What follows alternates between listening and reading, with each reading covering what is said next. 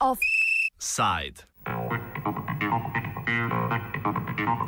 Pred spremembami vozniškega šolanja. Primer povezan z nepravilnostmi pri opravljanju vozniških izpitov oziroma šolami vožnje, ki je prišel v javnost novembra, je konec minulega tedna dobil epilog. Pristojno ministrstvo za infrastrukturo in prostor je opravilo nadzor nad direktoratom za promet in agencijo za varnost v prometu, ki je potrdil številne nepravilnosti in predvsem pomankanje nadzora. Ministrstvo je sprejelo prve ukrepe, sprožilo pravne postopke, pripravilo pa je tudi predlog prevetritve zakonodaje o vozniških voznikih, s čimer želijo celovito rešiti precej neurejeno področje izobraževanja voznikov. Govorili smo s podsekretarko na direktoratu za promet Brigito Miklavc, ki nam je na začetku predstavila izsledke nadzora. Nepravilnosti, o katerih smo tudi slišali na novinarski konferenci, ki jo je imel ministrstvo, imelo Ministrstvo za notranje zadeve 12. novembra so bile največje nepravilnosti ugotovljene prav na podlagi izdaje potrdil o programih dodatnih usposabljanj. To se pravi na programih uh, določenih, predvidenih za izbris kazenskih točk, se pravi govorimo o vadbi varne vožnje in pa o nekaterih programih namenjen voznikov začetnikov, to je tudi program dodatnega usposabljanja voznikov začetnikov, ki je sestavljen seveda iz praktičnega in teoretičnega dela in praktični del se tudi v teh primerjih imenuje vadba varne vožnje. V teh dveh primerjih ne bi prišlo do teh največjih nepravilnosti in, in največjih kršitvah. Zdaj, kar se tiče pa vozniških dovoljen, eh, nad katerimi naj bi pa bdelo ministrstvo kot takšno, pa je prišlo po podatkih eh, MNZ-ja v 161 primerjih. In na teh zadevah velja pa samo upozoriti, da te zadeve so še v predkazenskem postopku, tako da niti strani uh, kriminalistov nimamo potrjeno, da bi te zadeve bile zaključene oziroma da obstaja nek utemeljen sum, da so te osebe ta potrdila dobila na nezakonit način oziroma da so ta potrdila lažna. No, gotovili ste tudi, oziroma nadzor je gotovil tudi eh, nepravilnosti, oziroma pri samem nadzoru, oziroma pomankanje tega, da se to v nekaterih letih ni izvajal. Pa me zanima, v bistvu, je se kaj poročili, morda za to kriva tudi zakonodaja, ki je to pomankanje nadzora dopuščala, ali gre v bistvu samo pač za krivdo posameznikov, ki so pač niso vestno upravljali svoje naloge. Tako bom rekla, deloma mogoče zakonodaja, čeprav zakon eh, določa samo pristojni organ, ki lahko vrši strokovni nadzor, ne, pa, eh, ne, ne določa pa, kako pogosto, na kakšen način naj bi se ti strokovni nadzori uh, opravljali. Uh, ne izključujemo, da to ni eden od uh, manjših razlogov, ki so verjetno vplivali na to, da ti strokovni nadzori niso bili tako pogosto opravljeni. Po drugi strani, verjetno tudi deloma obstoje, obstoječa zakonodaja, se pravi, zdaj pri prenovi zakonodaje tudi bomo predlagali, da se uh, v zakon unese določba pristojno za izdajo podzakonskega predpisa, ki bo uredil uh, izvajanje teh strokovnih nadzorov. Potem uh, tisti ključni pojem, ki ga pa vsi vidimo, pa je problem v samih ljudeh. Uh, se pravi, spoštovanje temeljnih vrednot, ali je kaj dopustno ali ni dopustno, na kakšen način uh, izvajati določene določbe zakona ali jih obiti, to pa mislim, da je tista glavna pomankljivost oziroma glavni problem vseh državljanov. Imate pa teh, če nekako zakrožimo po teh podatkih, kakšne natančnejše podatke, koliko je v bistvu voznikov danes vozi, ki ne bi smelo in pa tudi sprožili ste že prve postopke, kdaj bodo voznikom vrnene te kazenske točke, ki so jim bile pač nepravilno odpravljene. Zdaj, koliko voznikov vozi, pa, pa danes ne bi smelo voziti, te zadeve so še v predkazenskem postopku, tako, tako da zelo težko govorimo, ali te vozniki dejansko ne bi smeli voziti, oziroma ni, niso opravili vozniškega izpita in je bilo potem na podlagi pač tega potrdila izdano vozniško dovoljenje. Uh, ko bojo pač te zadeve v predkazenskem postopku zaključene, oziroma tudi podana kazenska ovadba, bomo lahko to tudi um, obrazložili oziroma potem peljali postopke, upravne postopke, spravi druge postopke, v katerih bomo dokazovali, ali te osebe imajo seveda upravičeno vozniško dovoljenje kot pravico do vožnje motornega vozila v posesti oziroma v roki. Kar se tiče pa postopkov za upis, ponovni upis kazenskih točk, je pa pristojno Ministrstvo za pravosodje. Ministrstvo kot tako za pravosodje tudi vodi evidenco kazenskih točk in oni na podlagi teh potrdil, govorimo zdaj tudi v čist drugih postopkih, ne, ponovno opisujejo uh, kazenske točke v evidenco. Sedaj seveda to počnejo na podlagi pravnomočne uh, kazenske sodbe. No, zdaj, zaradi ugotovljenih nepravilnosti pravijo tudi prve ukrepe in zakonske spremembe. Časa se nameravate na ministrstvu tudi najprej, oziroma kakšni bodo ti predini ukrepi?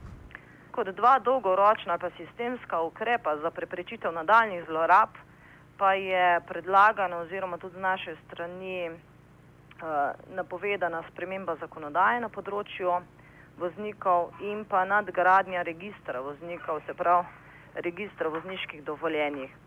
Zdaj, kot prva sistemska uh, sprememba zakonodaje, uh, seveda kot prva je celovita prenova zakona, uh, zdaj po zaradi sprememb verjetno več kot polovice členov zakona se bo pripravljal nov zakon. Potem druga kot taka je uh, bistvena sprememba zakonodaje na tem področju, naj bilo zmanjševanje števila vo šol vožnji in pa poblaščenih organizacij. Eh, zakonu tudi kot bistveno spremembo bomo zakonili oziroma zapisali večjo odgovornost strokovnega vodja šole vožnje. Zdaj ne bi bil strokovni vodja šole po določbah novega zakona odgovoren tudi za izvajanje usposabljen kandidatov za voznike.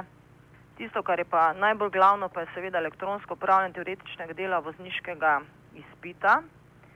Eh, elektronsko upravljanje tega teoretičnega dela vozniškega spita naj bi omogočila, omogočila realizacija druge faze nadgradnje registra voznikov, kjer bodo seveda kandidati po spešni prijavi v registr voznikov na izpitnem centru upravili teoretični del vozniškega spita na elektronski način.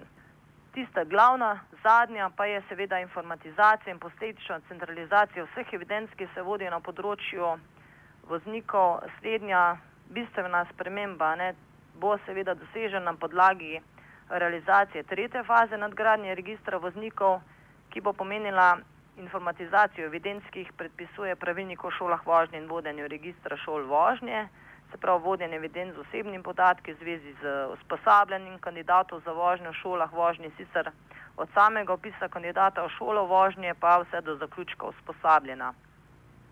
Zanima se pri nasvetovanju sprememb sodelovali tudi morda z Eh, Združenjem eh, šole vožnje Slovenije oziroma s drugimi, rekel, zainteresirano javnostjo in ali ste se morali tudi pri tem naslovili nekakšne zglede iz tujine? Lete, v vseh teh postopkih oziroma vseh teh dogovarjanjih smo um, sodelovali tako z njimi kot drugo zainteresirano javnostjo. Moramo pa, pove, moramo pa samo povedati, da predlog zakona, osnutek zakona je še v, v pripravi. Eh, razmišljamo, oziroma tudi v načrtu imamo, da bi bil ta zakon do ko, konec meseca februarja ali začet meseca marca pripravljen tudi še enkrat za medresorsko sklevanje in bo verjetno poslan, ne verjetno, ampak um, sigurno poslan v sklevanje tudi še širši strokovni uh, javnosti in na podlagi teh njihovih mnen seveda bomo pripravili, jaz upam, vse tak zakon, ki bo te zlorabe v nadaljevanju tudi preprečil. Ministrstvo predvideva v predlogu zakona tudi zmanjšanje števila avtošol. Kako so se morda avtošole oziroma združenje avtošol na to odzvalo, na ta predlog in kako pač oni vidijo to situacijo? Lete, zaenkrat uh, odziva z njihove strani še, uh, še nimamo. Zdaj tiste šole vožnje, ki so seveda večje in uh, imajo zaposleno tudi večje število učiteljev vožnje, učiteljev predpisov, uh, ne vidijo nekega razloga, zakaj do takšnih stvari ne bi prišlo. Če pogledamo seveda tudi eh, zakonodajo, ki je veljala pred uvedbo oziroma pred pripravo uveljavitvijo zakona o voznikih, je določeval zakon o varnosti cestnega prometa, da mora imeti določena šola vožnje tudi več učiteljev vožnje, učiteljev predpisov tudi zaposlenih. Eh, z, storitveno direktivo se je ta zadeva potem malo sprostila, ne? se pravi, da so se pogoji, so pogoji postali milejši, s tem pa seveda je prišlo do stanja, kakršnega imamo. V, trenutno v državi je registriranih 161 šol vožn in kot takšno število, če govorimo o številki, seveda 191, je zelo težko uh, nadzorovati.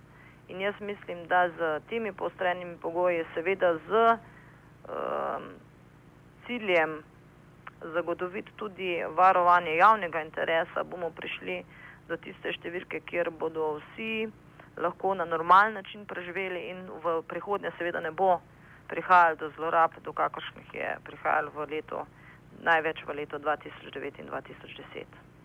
Se ne bojite, da bi morda zaradi prestrogih pogojev in pa zaradi pač neizpolnjevanja pogojev teh prišlo do prikega vsi, vsi pa avtošol ali verjamete, da je pač večina takšnih, ki izpolnjujejo vse pogoje za delovanje? Uh, lete, mislim, da ne, da to ne bo pomenilo velikega opisa, vsi pa teh uh, število uh, avtošol še vedno, po mojem, glede na glede na postavljene pogoje oziroma na, na igro. Uh, se glavna sprememba na področju šol vožnj bo le ta, da bojo pač uh, uh, šole vožnje morale imeti uh, učitelje vožnje, učitelje predpisov strokovnega vodjo šole uh, vo, vožnje zaposlenega. Ne? Se pravi, da ne bomo omogočili več dela uh, Eh, teh ljudi na podlagi podjemne pogodbe, kar ne pomeni, da je v praksi se kaj dogajalo. V praksi se je dogajalo, da je bila oseba, recimo učitelj vožnje, na podlagi podjemne pogodbe, da je upravljal delo recimo v treh, štirih ali celo večjih šolah vožnje. Zdaj, če bo to pogodba o zaposlitvi, bo verjetno zaposlen v eni oziroma največ dveh šolah vožnje in mislim, da s tem bomo vse uredili pravno, formalno te zadeve in da ne bo prihajalo do zlorab tako na področju uh, voznikov, kot tudi na področju uh, davčnih otaj. Ker največ nepravilnosti, seveda, se, se je dogajalo na, na področju davčnih otaj.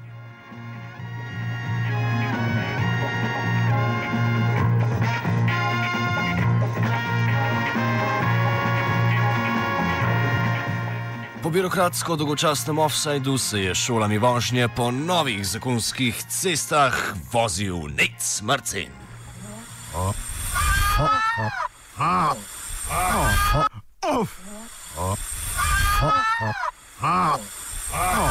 Offside.